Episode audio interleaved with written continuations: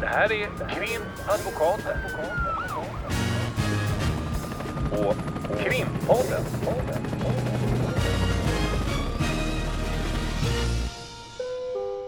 Parter och ombud kallas till sal 32.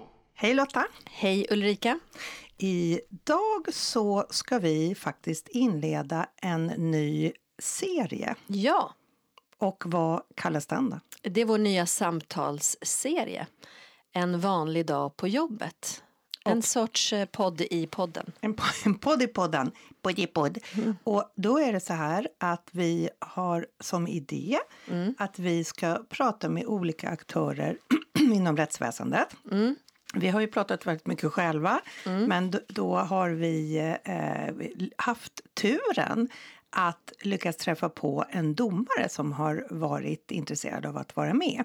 Och vi berättade ju förra avsnittet att vi var i Almedalen och hade den här Rättegångsspelet. Exakt. Och där var det ju en eh, åklagare, en riktig åklagare som spelade åklagare och en riktig domare som spelade domare. Och sen var vi riktiga advokater som spelade advokater. Och klienter. Riktiga advokater Riktiga som, advokater spelade som spelade klienter. klienter. Mm.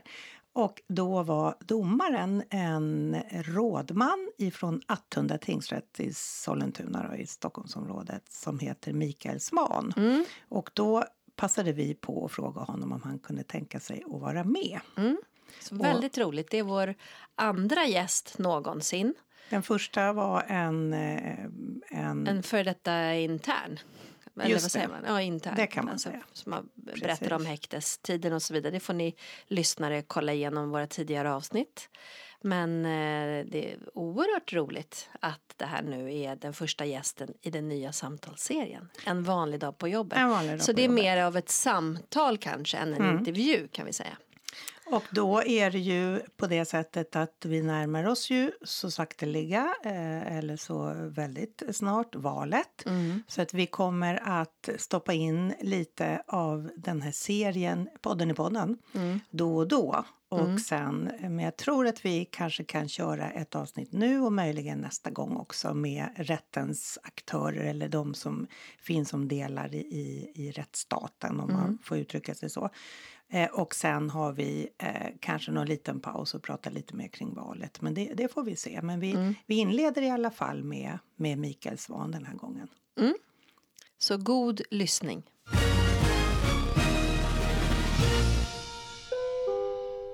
Nu sitter vi här i Almedalen. På museet faktiskt. Mm. Gotlands museum. Gotlands museum bland fornstenar och eh, vi sitter på ett café så att vi är, man får höra hur det arbetas här helt enkelt i bakgrunden. Mm, det är aktiviteter runt omkring oss och runt i hela Visby kan man säga. Det är första riktiga heldagen tror jag med Almedalen. Yes, och det är Almedalsveckan vi är här och vi har varit med i ett rättegångsspel och det kommer vi att prata om eh, senare. I vart fall så är vi jätteglada att vi faktiskt har fått en gäst. Och då ska jag säga att det är den andra gästen i hela Krimpoddens historia. Den första gästen var en klient och den andra gästen är nu en ordförande i den här låtsasdomstolen idag. Men på riktigt arbetar han som rådman i Attunda tingsrätt i Sollentuna i Stockholm. Mikael Svan, välkommen! Tack, tack. Det är jätteroligt och det känns nu väldigt högtidligt också att få vara med. Tack. Jaha Mikael, då tänkte vi att ehm, du kanske kan presentera dig. Nu så tog ju Ulrika lite här att var du jobbar och att du är rådman och så vidare. Men en liten kort presentation om dig kan vara bra för, för lyssnarna. Eh, Mikael heter jag som sagt, är 57 år och eh, har varit domare ganska länge i tingsrätt. Eh, jag har gått domarbanan då man, är, man går ut juristlinjen och sen sitter ting i mitt fall ett och ett halvt år för jag hade varit på byrå då ehm, eh, ett halvår innan och sen så fortsatte jag domarbanan, Svea hovrätt, var fiskal, Nacka tingsrätt, Falu tingsrätt och vad gjorde jag sen då? Jo, jag var på Närings och handelsdepartementet hette det på den tiden, men bara ett år. Och sen eh, hamnade jag på advokatbyrå, Standard Partners hette den, i hela sju år.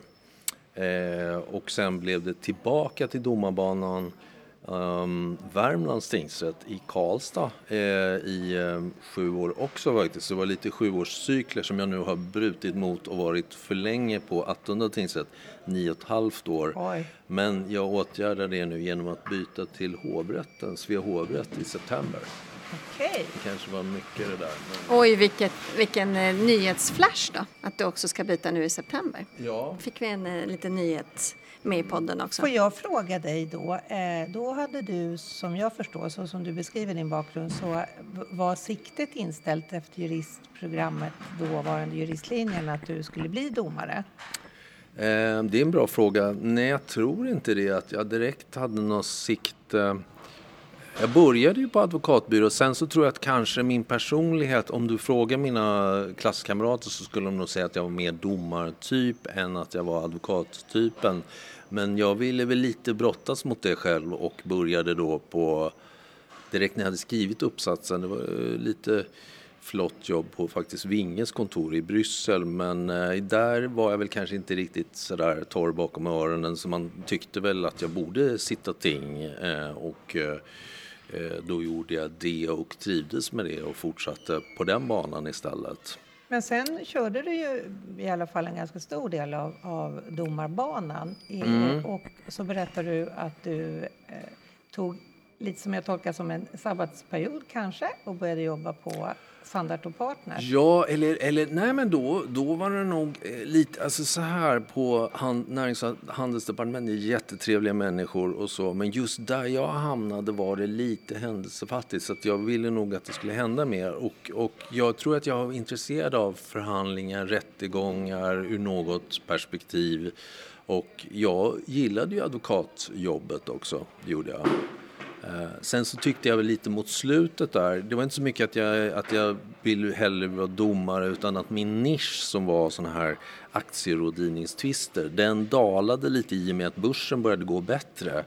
Eh, så att då tänkte jag och att det var dags att göra någonting annat och då var väl eh, dömeriet någonting som lockade och som jag, ja men jag gillade det och det var trevligt att vara i Karlstad också bara. Då måste jag, jag har ju inte varit domare i mitt liv. Eh, Jag har bara varit advokat. Ja, jag har varit en massa andra grejer också, men eh, det är ju det jag jobbar som nu. Eh, Jag har alltid tänkt att det, är, att det är väldigt skönt att vara advokat därför att man inte behöver ta ställning. Man tar ställning bara för sin klient. Eh, Det närmaste vi kommer att vara domare är ju när vi i LVU-mål, om man har ett barn i ett LVU-mål som är under 15 år, då kan man bli ganska mycket tungan på vågen. Och, och oftast får man med sig domstolen då när man, när man rekommenderar det ena eller det andra. Och, det kan vara att det kryper lite i mig när jag sitter i en sån situation. Hur, hur är det att behöva ta ställning? Ehm, ja, men det är en bra fråga. Det eh, kan ju vara svårt ibland och kan ju vara, och jag, jag tror att det är när man som jag då har jobbat ganska länge att man får se upp för den där känslan att det blir eh, slentrian och så att det är någonstans bra att tänka att eh, mycket av de beslut man tar, ja, men brottmål, olika typer av tvistmål har ju väldigt stor impact för människor och stor verkan. Ehm, men ehm, samtidigt tycker jag då att det hjälper med erfarenhet och jag tycker det känns lite så stimulerande att som ni vet i vår värld så är det mycket detaljer och så. Att kunna se linjerna i det underlättar ju på något sätt. Så att jag tror ändå att jag har känslan nu mycket tidigare än vad jag var ung att vartåt det här kommer gå någonstans. Sam- Samtidigt är det ju viktigt att man liksom är mjuk i huvudet så att man kan, nu kom det in något nytt bevis eller någonting, det här förändrar saker. För det är ju lätt att låsa fast sig. Och jag är en sån som gärna bollar då kanske med kollegor för att man vill lite testa eh, och så. Det är ju bra med kanske någon djävulens advokat eller någonting för att se Om det håller? Ja, om det håller, absolut. Men annars så... eh, Jag tycker just att, att ha varit i tingsrätt, på det viset blir det intressant att byta perspektiv eftersom bevisvärderingsmässigt är ju hovrätten eh, nästan sista instans. Nu kan jag ändå tycka att det är skönt ibland eftersom det är inte så att man slarvar igenom saker men saker måste ju iväg. Att man tänker good enough, nu har vi liksom gjort den här bedömningen. Så får väl det ändras och rättas till i hovrätten i sådana fall kan jag tänka. Men eh, på din nya arbetsplats på hovrätten, i alla fall när det gäller brottmålen som jag och Lotta arbetar i, så kommer det ju bli lite skillnad eftersom det kommer att bli biotittning. Mm, Att mm. man spelar upp ljud och bildfilerna från tingsrätten och att det Mm. väldigt sällan eh, begärs kompletterande eller hålls kompletterande Mm, förhör. mm. Eh, det, eh, hur, hur tror du det kommer att kännas? Ja, Jag har nog varit och blivit liksom lite påverkad av den här typiska tingsrättsdomaren som kanske just ser lite snett på hovrätten att det verkar tråkigare, mera inte så, så, så liv, livligt och fartigt att titta på film utan man vill ha live-situationen. Och eh, det finns, jag får liksom vakta mina ord nu då ifall att någon, någon hovrättare skulle höra det här men vi har väl sagt att man, det, hovrätten är för de som är för ängsliga för att kunna besluta själva. Eh, men, och, och kanske lite väl formalistiska då. Men sen har jag börjat tänka varför inte tvärtom och jag tror att rätt mycket är fördomar hos tingsrättsdomare som att det kan vara vi mot dem situationer på olika sätt. Och jag har flera kollegor som har gått från tingsrätt till hovrätt och trivs bra där. Nu, nu ska jag också säga att jag blev ju färdig eh, domare från hovrätt i mitten på 90-talet så det var ju ganska länge sedan jag var där senast. hur var det? Var, var, var det eh, ljud och bildupptagningar då? Nej, när kom det? Nej, det kom ju, det kom ju senare. senare. Ja. Ja, ja.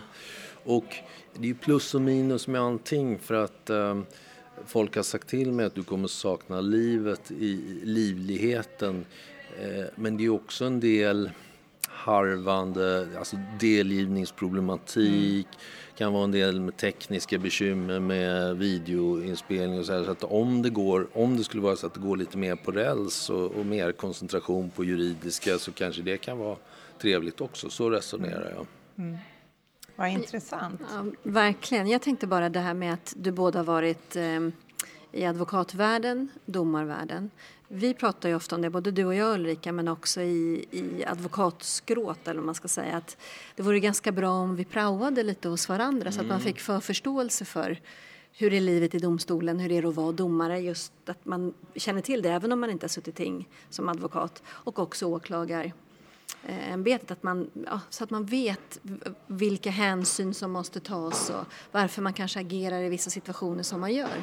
Va, vad säger du själv? Tycker du att det har berikat dig som domare? Att du har advokaterfarenheten i ändå sju år liksom? Mm, ja, men jag är, jag är helt säker på att jag har gjort det och jag kan ibland kanske känna en saknad av att jag har bara varit tvistemålsadvokat och jag har inte varit brottmålsadvokat och gärna hade haft den erfarenheten hade varit bra. Men visst, till exempel, jag minns ju hur jag tyckte tidigare på domstol om att men varför ställs det ledande frågor eller varför inte mer flyt i förhör. Men sen har jag förstått att det är svårt det här med öppna frågor och så. Även om man har en repetition med någon, något vittne eller så, så, så är det nervöst vittne sen. Så att det, och, och så att jag tycker att det har lett till ja, men större förståelse, viss liksom ödmjukhet för vissa situationer.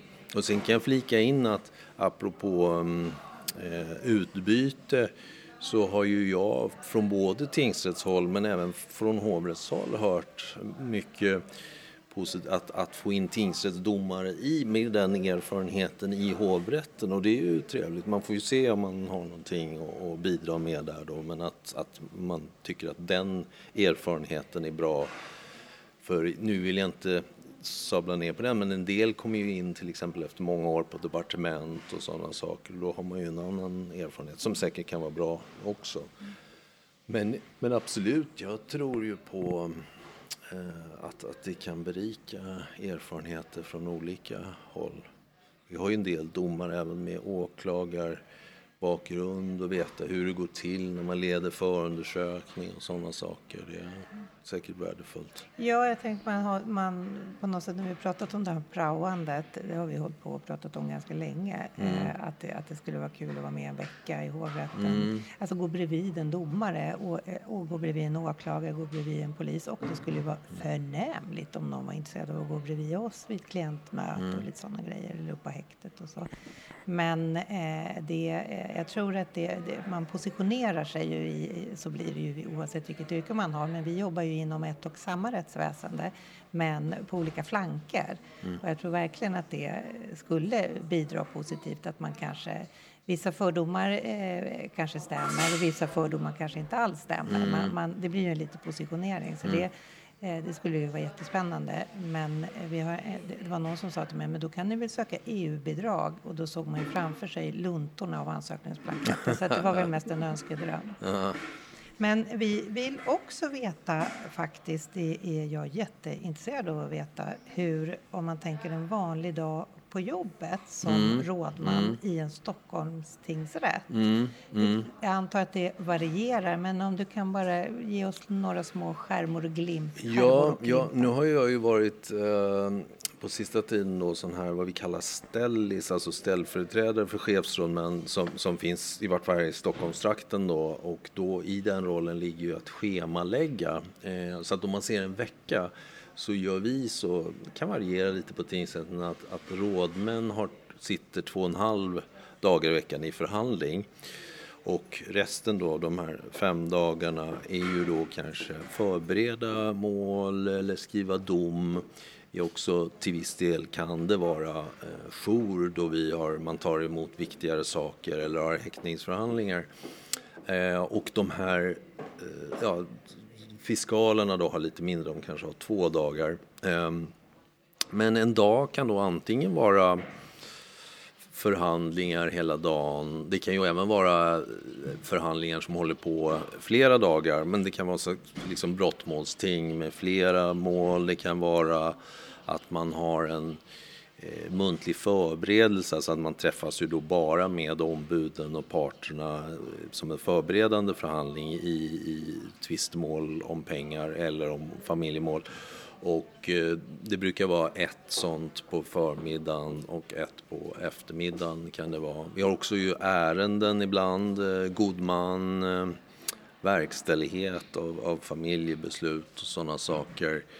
Eh, så att det, det, är väl en mix av att sitta i förhandling men också eh, så att säga pappersarbete, förbereda mål och det är ju lite olika beroende på vad det är för någonting. Att är det brott man känner igen så behöver man inte titta på det så noga. Och det är också ett samspel kanske med notarien, både ta hjälp av notarien som assistent och utbildningsmässigt att kan du utreda den och den frågan? Kan man ge till notarien någonting? Och det är lite olika mycket hur de skriver domsutkast också sen efteråt. Så det ingår ju att votera då för notarier att de föreslår vad man ska döma till och skriva utkast. Tyvärr blir det så ibland att de har lite för mycket att göra så att de inte riktigt hinner med att göra sådana saker. Men det försöker man ju eh, göra då. Um, Ja. Jag tänker det är väldigt eh, varierande. Vi ja. som är brottmålsadvokater, vi jobbar ju eh, många av oss eh, med, med just då brottmål. Mm. Sen finns det ju en del som kanske varierar det med lite familjerätt. Eller, och jag jobbar ju bara med brottmål mm. och då tänker jag att jag blir alldeles jättenöjd med att jag gör det och inte som du då måste hantera oerhört mycket olika typer av juridik. Mm, För det är mm. så att du har alla typer av juridik. Ja, jo men så är det ju. Och eh, det kan väl vara både plus och minus det här med generaliseringen att eh, eh man kan känna det att kunskapsmässigt är det svårt att hänga med för att det är sån spread på sakerna. Eh, och som vi har varit inne lite i nu, apropå rättegångsspelet, att förr kunde man vara trygg med att brottsbalken och rättegångsbalken var de samma i varje fall. Men nu börjar ju även där ändras, så att man får titta vad är det nu för minimistraff som gäller för det här brottet och så. För det var ju ganska statiskt tidigare. Mm. Eh, så, så, det är en utmaning att hänga med. Men det är samtidigt också en, ett plus och, och det känns ju rätt stimulerande för man får ju inblick i många olika miljöer på det sättet. Att det, man, man går ifrån ehm, eh, liksom fel i byggandet av lyxvillan i Danderyd till andra förhållanden i en annan del av domsagan i, i brottmålen eh, också. Eh, så att, eh, och, och jag menar om det är lite tyngre mål till exempel ehm, ibland kan det ju vara, nu ska jag inte säga som alla familjemål, men ibland kan det vara lite sådär att ja, barnet far illa av föräldrarnas konflikt och så här, man tycker att det kan kännas lite så här deppigt. Då, då kan det ju vara skönt att variera med något annat mål också. Så, där, så att det kanske skulle, alltså specialisering på sätt och vis tror jag skulle kunna vara bra, men det kan väl också bli lite ensidigt kanske möjligtvis. Och då, då antar jag att, att det finns bland dina kollegor eh, olika uppfattning. Att vissa mm. tycker att man borde få vara specialiserad och ja. bara sitta och döma vissa mål och vissa tycker att det är utmanande med att få döma så, Ja men absolut, så är det ju. Och eh, man kanske till viss del tar hänsyn till också, det kan ju hänga ihop med erfarenhet att någon tycker att större brottmål är spännande att ta och då kanske den får det också. Så mm. att, eh, någon är förtjust i entreprenadtvister och då får den hantera det. kan man ju liksom uh, styra det till kanske. Men då måste jag också få fråga när det gäller, eh, du sa att det är en del administration. Ni har ju ett kansli och så när det gäller förordnanden och, och handlingar som ska mm. ut för kännedom och för yttrande och allt sånt här. Men eh, hur mycket måste man som rådman ägna sig åt admin, ren administration? Ja, det beror lite på vad man lägger i administration. Men vi har ju jätteduktiga handläggare eh, som sköter mycket och som... Eh, ja, men om, om du tar till exempel eh, familjemål utan större komplikationer så hanterar handläggare dem fram till muntliga förberedelsen.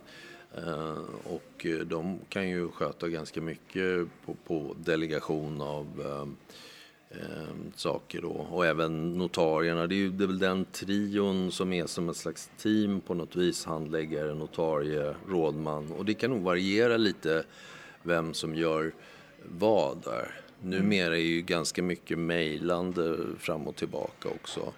Av inlagor och annat. Mm. Kan man från ditt perspektiv säga vad som utmärker en bra domare? Um, Ja, det är väl en kombination av viss juridisk skicklighet. Um, uh, I det här som jag varit inne på tror jag att kunna se linjerna i, i ett komplext material. Jag rekommenderar alla som vill börja läsa träna snabbläsning. Liksom att, att kunna, ofta finns det ju inte, och det vet väl ni också, eh, att det där med genvägar är inte så mycket utan liksom det är, du har den här pappersbunten och den får man traggla sig igenom fast man kanske ser att okej, okay, de här 50 sidorna av fakturor behöver jag inte läsa 10 minuter varje faktura utan jag kan bläddra igenom dem. Så att, att, att, att ha någon slags sin, skapa ett sinne för vad som är relevant. Och sen tycker jag visst för all del det här med bemötandet att det bör finnas med. Jag såg det här programmet um, COPS i, eh, ja det var faktiskt när min, när min fru var gravid av någon anledning där i Karlstad så tittade vi mycket på COPS, ni vet, eh, amerikanska programmet. Mm. Då var det en motorcykelpolis som sa att jag tycker om att få människor att känna sig bekväma i obekväma situationer. Det tycker jag är en ganska mm. bra ledtråd, eller hur? Mm. Ganska basic men eh, det, det tycker jag Alltså det, är ju, det kanske låter som en klyscha men, men har man den ansatsen så tror jag att man kan skapa rätt lugna situationer. Våra rättegångar är ju oftast ganska lugna trots allt. Det är jätteintressant att du säger det därför att vi som jobbar eh, som advokater i rättssalen, vi, vi kan ju titta vilken domare det blir. Ser vi utanför om det är ett lite kortare mål eller om det är ett längre mål så har man oftast fått reda på det innan.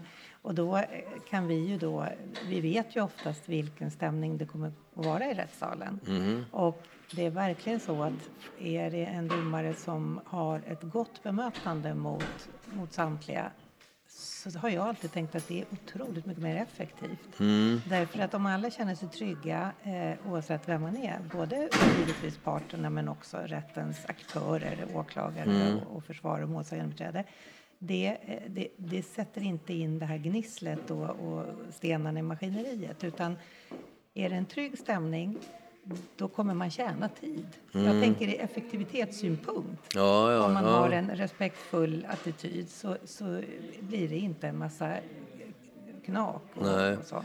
Nej, men det är intressant du säger det och jag tycker, är inte det där någon bild som, som vi måste få ut mer att stämningen i svenska rättegångar normalt sett är väldigt lugn. För det har ju varit ett par exempel, tråkiga exempel, att någon skriker och så.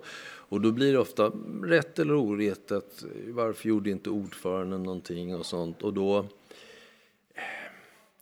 lite som kanske stökiga elever och en lärare, att samma, samma kritik som riktas mot skolan, att alla, nu är det ju så mycket att folk är arga, stränga, hårda på sociala medier, att eh, ordföranden borde ryta till, ordföranden borde, ja, det nästan gå fram och ge en tilltalad örfil. Och vissa har ju nästan det här att ett strängt bemötande ska vara en del av straffet som ju är ganska konstig inställning. Och jag, det har slagit mig att Ehm, nu, det är jättetråkigt med incidenter och vi ska, vi ska liksom försöka motverka det och så, men att man borde titta lite på statistik och jämföra med andra länder. För jag tror ju att när man har jobbat med, mycket med begriplighet och bemötande så gissar jag, jag vet inte om det stämmer, att vi har förhållandevis få incidenter i, i svenska domstolar just på grund av att vi har ett ganska sansat bemötande. Skulle jag gissa mig till att vi har. Liksom. Så Ja, att man kanske ska med. se upp med det här att eh, nej, nu får det slut med daltet och nu, de tilltalade ska stå precis. upp och de ska Ja. eh, veta plats. Ja, ja. Ehm, att, att det finns någon bara i Sverige, punkt, punkt, punkt, med, med en arg figur. Att, att det, det, jag håller inte med om det. Kanske Mm. lite samma bild som man har av skolan. Som kanske i och för sig, jag vet inte riktigt, det kan väl stämma på vissa håll. Men eh, bilden, det är ju normalt sett väldigt lugnt, eller hur, i, i våra rättegångar. Ytterst sällan det är någonting som sticker ut skulle jag Mm. säga. Det, det finns vissa eh, förhandlingar där det kan göra det men det är ju som majoriteten av de förhandlingarna som jag i alla fall har varit med i och varit aktiv i har ju, har ju skötts eh, utan gnissel. Och det eh, tror jag att det är oerhört viktigt också för huvudpersonen är ju den som är tilltalad, eller målsäganden. Att, Men- att de också känner en trygghet i att det har inte varit något gap och skrik och, och, och välta stolar och sånt. På det temat, utifrån ett domarperspektiv, vad utmärker en bra advokat? Ehm, ja, eh, det är väl kanske snarlikt viss, vi- viss juridisk kunskap men också att kanske eh, proportionera saker eh, på dess rätta plats liksom. Och, och, ja, det är svårt för mig att säga. Alltså om man tänker på brottmål, dels eftersom jag inte har varit brottmålsadvokat. Um, sen är det väl det här, jag gillar ju lite det som Johan Eriksson predikar i sin bok Likeability och det kan ju vara i och för sig subjektivt och att man tycker just på det temat vi sa att det flyter igenom att, eh, att skapa eh, det, det, det, det är ju ändå så att vi domstolen lyssnar mer på vad som sägs och det behöver inte sägas i en högljudd eller aggressiv ton eller så. Jag kan på sätt och vis i ett konkurrenshänseende förstå om man gör det visavi klienten, att, att klienten känner att man kämpar mer för advokaten. Så här har jag viss förståelse för, men jag tycker ju att, att, att det vore bra om man kunde liksom sälja in ett lugnt beteende från advokatens sida. också. Det, jag ska säga att det tycker jag ju att alla, de flesta advokater har naturligtvis. Men, eh, Nej, jag måste ju säga att jag håller med om det. Hör du. jag håller med om att man kanske inte behöver stöka till det med Nej. paginering eller eh, vilken sida som åklagaren tar upp för att skapa sig en, eh, en poäng hos sin klient. Det, men å andra sidan, så, som du säger, det är ju ett sätt att marknadsföra sig. Men det vore ju, tycker jag, trevligare om, om klienterna mer var intresserade av att det skulle vara en, en, en resonabel och skicklig advokat än någon som eh, diskuterar eh, förundersökningens paginering. Men det var bara en liten reflektion. ja, ja. Men jag måste eh, få eh, bara säga, eller jag kommer nu att säga att det var eh, väldigt roligt att ha dig här. Och eh, jag vet ju att du har varit på radio tidigare och jag måste säga att du har en fantastisk radioröst. ja. Va? Jo, det är sant. Ja. Ja, men detsamma tycker jag. Till er båda. Jag förstår att Tack. den här podden har blivit framgångsrik. Nu kanske du ska lyssna på den då? Ja, det, jag förstår att jag har gått miste om någonting och att det finns många avsnitt att ta igen. Så att nu vet jag vad jag ska göra resten av sommaren i Jättebra. hängmattan. Ja, toppen. Men då tror jag att vi avrundar nu faktiskt. Och tackar jättemycket för din medverkan. Ja, men tack så hemskt mycket för att jag fick vara med. Det var väldigt trevligt. Tack så mycket. Krimpodden.